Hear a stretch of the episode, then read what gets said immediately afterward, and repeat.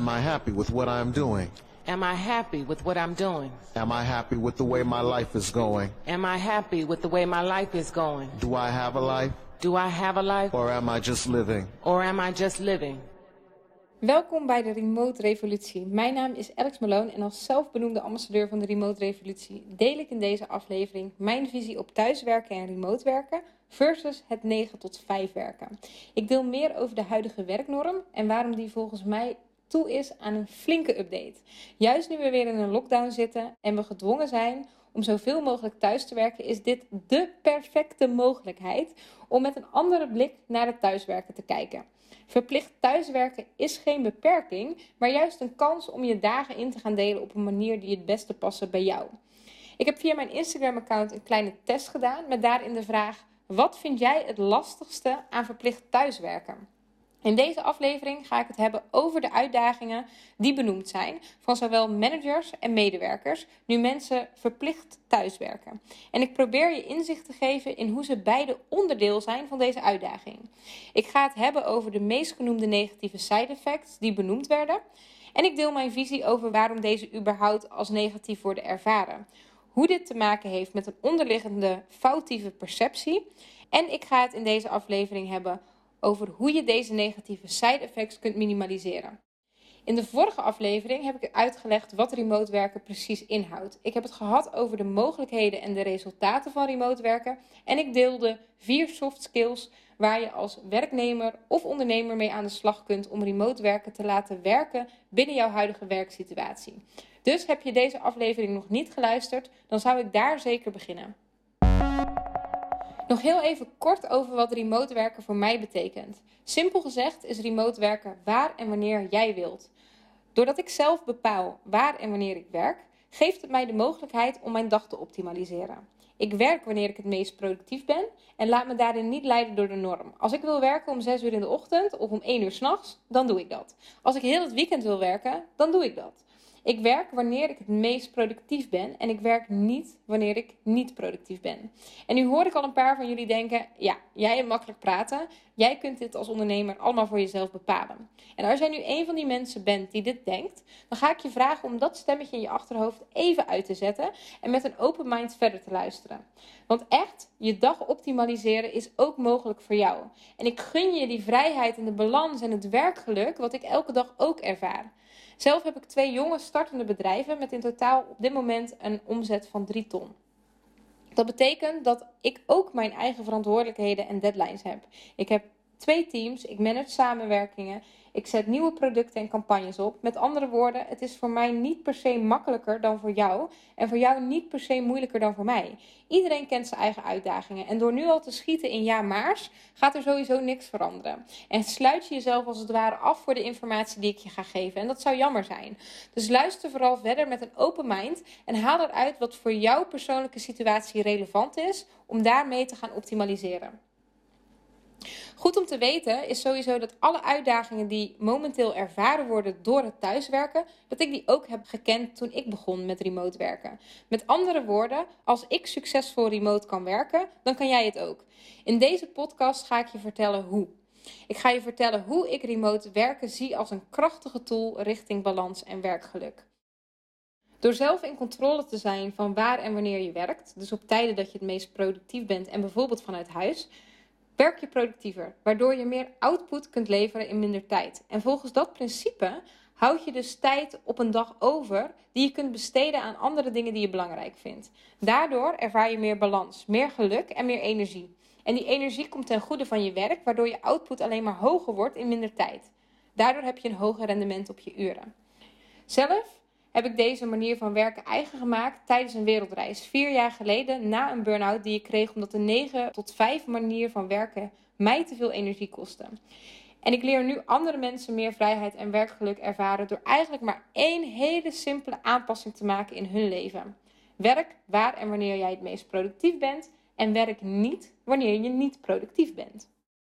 Als ik het zo zeg, klinkt het bijna te mooi om waar te zijn. En dat komt omdat het klinkt alsof deze manier van werken heel gemakkelijk te implementeren is.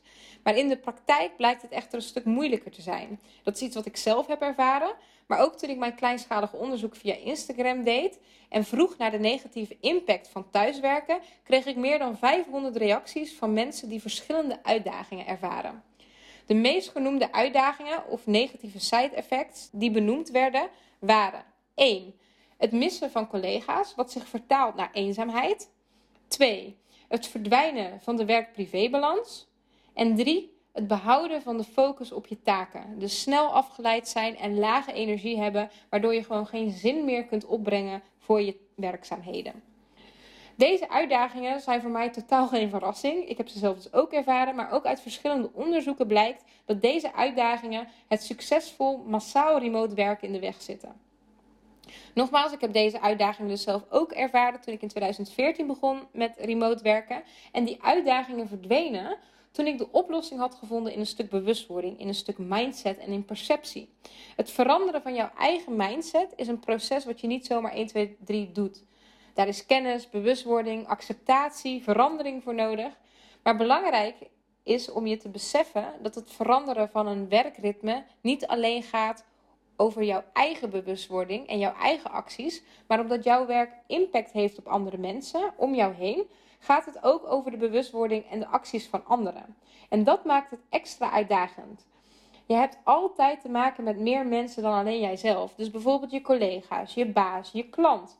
Maar ook je partner of je kinderen die misschien genoodzaakt zijn om volgens andere tijden te leven dan jouw ideale ritme is. Dus jouw persoonlijke perceptie aanpassen en acties doorvoeren is één ding. Maar het veranderen van de collectieve mindset en perceptie over werk is nog een heel ander proces, wat ook invloed heeft op jou. Goed nieuws is dat dit proces al een tijdje gaande is. En momenteel zitten we dankzij het verplichte thuiswerken in een hele interessante stroomversnelling. Er wordt noodgedwongen weer kritisch gekeken naar hoe wij omgaan met werk en onze werktijden. Maar alsnog, dit kost tijd voordat de wereld van werken echt veranderd is. En daarom ga ik nu bij de uitdagingen die ik net noemde tenminste één concrete tip delen waar je nu direct mee aan de slag kunt gaan. En voor iedereen die graag meer tips wil en zelf serieus aan de slag wil gaan met succesvol remote werken, hebben wij vanuit mijn bedrijf Meetings in the Sun een online programma gemaakt. In vier weken delen wij al onze ervaringen van de afgelopen zes jaar remote werken. Door middel van verschillende video's, opdrachten en stappenplannen ga jij aan de slag om remote werken voor jou te laten werken. Inmiddels hebben er al meer Inmiddels hebben er al meer dan 400 mensen deelgenomen. En dat zijn mensen in loondienst, zelfstandig ondernemers, managers. En allemaal met één doel: meer leren over remote werken en vrijheid en werkgeluk ervaren binnen hun dagen en op hun werk. Wat ik je nog wil meegeven is dat sommige professionals ons online programma gefinancierd hebben gekregen vanuit hun werkgever, omdat hij het belangrijk genoeg vindt om gelukkige, impactvolle en productieve werknemers in zijn of haar team te hebben. Dus ben je een werkgever die dit belangrijk vindt, of een werknemer die verantwoordelijkheid wil nemen richting zijn of haar werkgever, kijk dan voor meer informatie over ons online programma op www.meetingsinthesun.nl. Alright, ik noemde net drie uitdagingen. En in deze podcast wil ik inzoomen op de eerste uitdaging die door veel professionals wordt ervaren rondom het remote werken. Namelijk het missen van collega's en het ervaren van eenzaamheid. Een groot pluspunt van remote werken vind ik dat je flexibel bent om te werken waar jij wilt. De kans is groot dat die plekken waar jij graag werkt niet per se de plekken zijn waar anderen waar je mee werkt ook zijn. Dus denk aan jouw huis, die fijne koffiebar, op vacation, in de bossen of over de grens. Grote kans dat daar de rest van jouw team en jouw klanten niet zijn. En dat is nou net de reden waarom remote werken kan zorgen voor een hele hoop productiviteit. Jij bent in jouw eigen bubbel output aan het leveren zonder gestoord te worden. Full focus modus was in principe nog nooit zo makkelijk. Maar dit zorgt er ook voor dat je veel van je werktijd alleen bent. En sommigen vinden dat heerlijk, maar zoals uit veel onderzoeken dus blijkt, missen de meeste mensen het menselijk contact. En vaak wordt dit uitgelegd nadat mensen face-to-face contact missen. Maar in werkelijkheid missen de meeste mensen een echte verbinding. Dus het dieperliggende gevoel wat face-to-face hun eerder altijd heeft gegeven. In het begin van remote werken is dit vaak wennen. Maar als je merkt dat je net zoveel verbinding kunt hebben met verschillende online tools, merk je al gauw dat bijvoorbeeld meetings prima online via Zoom of via Hangout kunnen plaatsvinden. En de scherpe luisteraar heeft nu al twee tips hieruit kunnen halen. Namelijk 1. Wees kritisch op wat je echt nodig hebt. Dus snap jouw behoeftes. Mis jij het contact met collega's? Vraag je dan af wat je echt mist. Wat is de behoefte die nu niet vervuld wordt door het fysiek bij elkaar zijn met jouw collega's? Wat is die behoefte? En twee, nu je weet waar jouw behoefte ligt, kun je gaan kijken wat je kunt doen om die behoefte op een andere manier te vervullen. Dus wees je heel erg bewust van jouw behoeftes en ga kijken hoe je daar invulling aan kunt geven. Ik zal het verder uitleggen met het voorbeeld van eenzaamheid. Het missen van collega's en eenzaamheid, dat is een van de grootste uitdagingen. Laten we er even van uitgaan dat de behoefte die daaronder ligt verbinding en connectie is. En ik zal nu dieper ingaan op hoe ik zelf die behoefte vervul, zonder dat ik en mijn team daarvoor in dezelfde ruimte hoeven zijn. Nou, ik geef bijvoorbeeld regelmatig een webinar over remote werken via Zoom. En ik heb deze sessie gedaan met zo'n 200 personen in één sessie. En in 100% van al mijn sessies voelen mensen zich verbonden met mij en met elkaar. Hoe? Een belangrijk aspect is dat ik mijzelf tijdens deze sessie open en kwetsbaar opstel. En daarbij, ik ben altijd heel erg goed voorbereid. Ik neem al mijn aanwezigen, mijn publiek en hun tijd serieus. Ik vertel een persoonlijk verhaal van hoe ik van een 9 tot 5 baan langzaam groeide richting een vrije indeling dankzij het remote werken. En ik zie de deelnemers niet, maar door mij open te stellen voel ik elke keer weer een verbinding met de deelnemers. En dat zie ik ook terug in de chat. Mensen delen hoe herkenbaar mijn verhaal is voor hun. Daarbij heb ik verschillende interactiemomenten ingebouwd. En zo krijg ik een beeld van wie er in het webinar zijn en daar pas ik mijn informatie op aan. Verder neem ik de tijd om een opdracht samen te doen en krijgen de deelnemers de kans om hun ervaringen te delen in de chat. En elke keer weer ontstaat er een connectie tussen compleet vreemden. Puur omdat er gedeeld wordt over een onderwerp en een uitdaging waar iedereen zich mee verbonden voelt. Ik stel me open en kwetsbaar op. Ik neem hun serieus. En dit is een voorbeeld van een webinar. En je zou kunnen zeggen dat dit anders is dan in een meeting. Maar er zitten een aantal hele belangrijke tips in deze aanpak. En ik zal ze met je doornemen. Doordat meetings online gedaan worden, is het belangrijker dan ooit dat de persoon die de meeting inschiet verantwoordelijkheid neemt over de waarom. Een van mijn grootste frustraties van werken op kantoor was dat heel veel van mijn productieve werktijd in beslag werd genomen door onnodig lange meetings met te veel mensen. Het online samenwerken dwingt ons om 1. beter na te denken over welke meetings echt nodig zijn en 2 hoe we deze meetings zo efficiënt en verbindend mogelijk kunnen maken.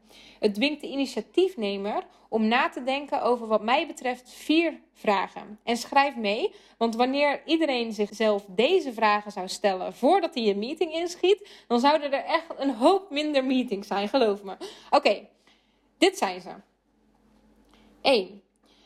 Wat wil ik na deze meeting bereikt hebben? 2. Wie zijn er onmisbaar om dat resultaat te behalen? 3. Hoe kan ik ervoor zorgen dat de deelnemers hun input het beste kunnen delen? En 4. Met welk gevoel wil ik dat iedereen de meeting zal verlaten? En dit klinkt misschien heel kinderachtig, maar door deze vier simpele vragen ga je stilstaan bij welke meetings er echt nodig zijn en hoe je de tijd en de input van jouw collega's echt kunt waarderen. Jouw collega's op waarde inschatten en hen zien voor wat ze te brengen hebben, is al een heel belangrijk aspect in het gezien worden en een stuk verbinding onderling. Want misschien herken je dit, maar hoe denk je dat het voelt als je een hele dag alleen in je eigen huis aan het werken bent en je mist dus je collega's? En dan heb je een meeting. En dan denk je, yes, even een momentje connecten met iedereen. En dan zit je daar in een meeting met acht man, waarvan drie man aan het woord is. En jij bent uitgenodigd gewoon om mee te luisteren, zodat je op de hoogte bent. En een uur lang ben je aan het luisteren. En nadat je een uur geleden hoi hebt gezegd, wens je vervolgens iedereen een prettige dag. En dat was het dan weer. Hoe voelt dat? Volgens mij voelt dat extra eenzaam, want je wordt niet gezien, niet gehoord. Je tijd wordt niet serieus genomen en daarbij zuigt zo'n meeting energie. Als de initiatiefnemer van de meeting nadenkt over de vier vragen die ik net opnoemde, zorgt dat juist Voor high energy en focus in meetings in plaats van low energy, waarin mensen maar aanschuiven zonder daadwerkelijke functie voor die meeting. Voel je, de ene manier is verbindend, de andere benadrukt juist een gevoel van eenzaamheid. Niet omdat de meeting digitaal is, maar omdat het contact niet vanuit verbinding is opgezet. En wanneer de host de tijd neemt om eerst verbinding met zichzelf aan te gaan en kritisch te kijken naar wat er nodig is en wat hij of zij zelf te geven heeft, dan ontstaat de creativiteit, focus, verbinding, productiviteit en connectie. Bovendien zorgen deze vier simpele vragen ervoor dat een hoop onnodige meetings afvallen. Ik werkte vorig jaar nog freelance voor een grote corporate. En oh my god, zoveel meetings. Het viel me op dat sommige meetings totaal gebaseerd zijn op onzekerheid. Iemand durft binnen zijn functie geen beslissing te maken en gooit dan een meeting erin om met allemaal mensen hierover te gaan praten en om afstemming te vinden. En eigenlijk min of meer te checken of wat hij of zij bedacht had inderdaad het juiste is om te doen. Draagvlak creëren noemen ze dat dan. En hier ligt volgens mij nog een stukje van de puzzel en de ware onderliggende reden waarom thuiswerken voor veel mensen als stressvol wordt ervaren. Oké, en let even goed op om mijn gedachtegang hier te volgen, want ik ga een aantal dingen aan elkaar koppelen. De afgelopen zes jaar heb ik er een soort van sport van gemaakt om aan verschillende mensen in loondienst te vragen waarop ze beoordeeld worden. Dus dan heb ik zo'n gesprekje met iemand. Ja, hoe gaat het op werk? Vraag ik dan. Goed, goed. Oké, wat gaat er goed dan? En daar begint het al moeilijk te worden, want dan vraag ik wat die persoon precies doet en dan vraag ik door. Oh, en als communicatiemedewerker of als HR-adviseur, data scientist, projectmanager, als noem maar op. Waar word je jaarlijks, maandelijks, wekelijks precies op beoordeeld? En van alle misschien wel 500 keer dat ik dit gevraagd heb, heb ik zes keer serieus antwoord gekregen waarvan ik dacht: oké, jij weet waar je het over hebt en jij weet waar je aan werkt en waarom je doet wat je doet. Want de meesten wisten dit niet precies. En anderen gaven als antwoord: ja, ik word beoordeeld op een aantal KPI's vanuit mijn manager. Ah, top, dacht ik dan.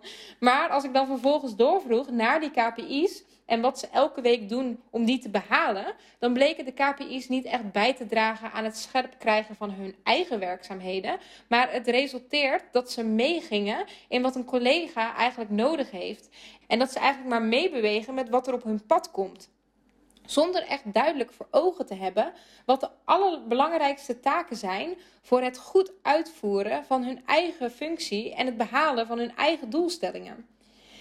Er moeten nou eenmaal dingen gebeuren op werk en die worden uitgevoerd. En dan na een half jaar beoordelen de manager en de werknemer samen met terugwerkende kracht of ze wel of niet behaald zijn.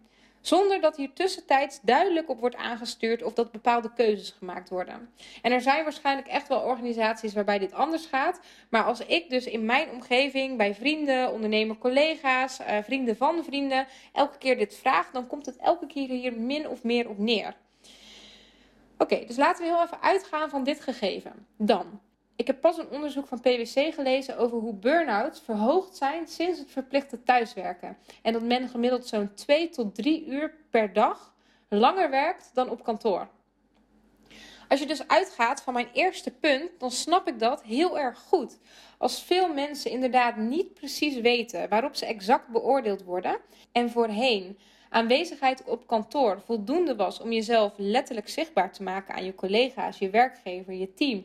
En je nu jezelf niet meer letterlijk kunt laten zien, maar je wel zo goed mogelijk je best wil doen, dan ga je dus meer werken, maar wel als een kip zonder kop, zonder echt precies te weten wat er nou van je verwacht wordt.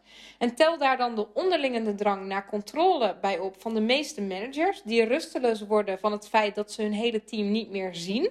Zij gaan proberen controle terug te pakken door de hele tijd in te checken wat iemand nu aan het doen is. En dan snel heb je twee gefrustreerde partijen die allebei vanuit de beste bedoelingen aan het handelen zijn, maar niet bewust zijn van het feit dat er een onderliggend patroon, aanwezigheid is productiviteit, wordt aangeraakt. En daardoor aan beide kanten wordt er angst en onzekerheid getriggerd. Angst om het niet goed te doen, angst om te falen, angst om niet gezien te worden, angst om afgerekend te worden op te weinig ambitie. En dat wordt aan beide kanten geprobeerd op te lossen door over te compenseren. Aan de kant van de manager, die gewend is om een bepaalde controle te hebben, die gaat overcompenseren door nog meer te controleren. Aan de kant van de medewerker, die gewend is om beoordeeld te worden op basis van tijd, die gaat dus extra lange dagen werken. Grappig hè, als je er zo naar kijkt. In de eerste podcast die ik dus heb opgenomen, ga ik dieper in over die perceptie, die foutieve perceptie dat aanwezigheid is productiviteit en waar die vandaan komt. Maar ik ben nu wel heel erg benieuwd wie dit herkent. En dat is dan weer het jammere van een podcast, dat ik nu niet met jullie in een gesprek kan gaan. Maar als je hierover wilt delen, dan kan dat bijvoorbeeld via mijn Instagram-account AlexMaloneNL. En daar deel ik ook nog meer over remote werken. De grote vraag is: hoe gaan we uit deze visuele cirkel komen? En deels heb ik daar antwoord op gegeven in mijn vorige podcast, maar ik blijf het zeggen: het heeft in eerste instantie te maken met bewustwording rondom een foutieve collectieve perceptie dat aanwezigheid gelijk staat aan productiviteit. We hebben de juiste kennis nodig over remote werken. En de drie uitdagingen die ik eerder noemde zijn op te lossen mits je de juiste kennis over remote werken toepast. In deze podcast ben ik ingegaan op een aantal praktische oplossingen rondom verbinding in het team, om zo eenzaamheid te minimaliseren. Wil je hier meer informatie over? Stuur dan een mailtje naar hello@meetingsinthesun.nl. Wij werken samen met verschillende bedrijven om onze bewezen methodieken te delen om zo de remote revolutie verder te laten verspreiden. Ben je benieuwd naar hoe de volgende twee uitdagingen aangepakt kunnen worden? In de volgende aflevering ga ik het hebben over de overige twee uitdagingen en deel ik weer een aantal concrete tools die ik zelf gebruik om die uitdagingen te tackelen.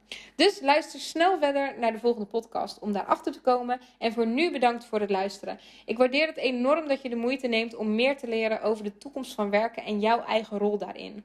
Vond je dit een interessante aflevering? Deel het. Alleen op die manier kan ik mijn visie, kennis en enthousiasme delen over remote werken en het bijkomende werkgeluk en de vergrote productiviteit die remote werken kan brengen. Laten we samen de remote revolutie groots maken. En helemaal leuk als je me tagt en ik ook kan zien wie deze podcast heeft geluisterd en het nuttig vond. Verder hoop ik dat je de volgende keer weer luistert. Tot dan!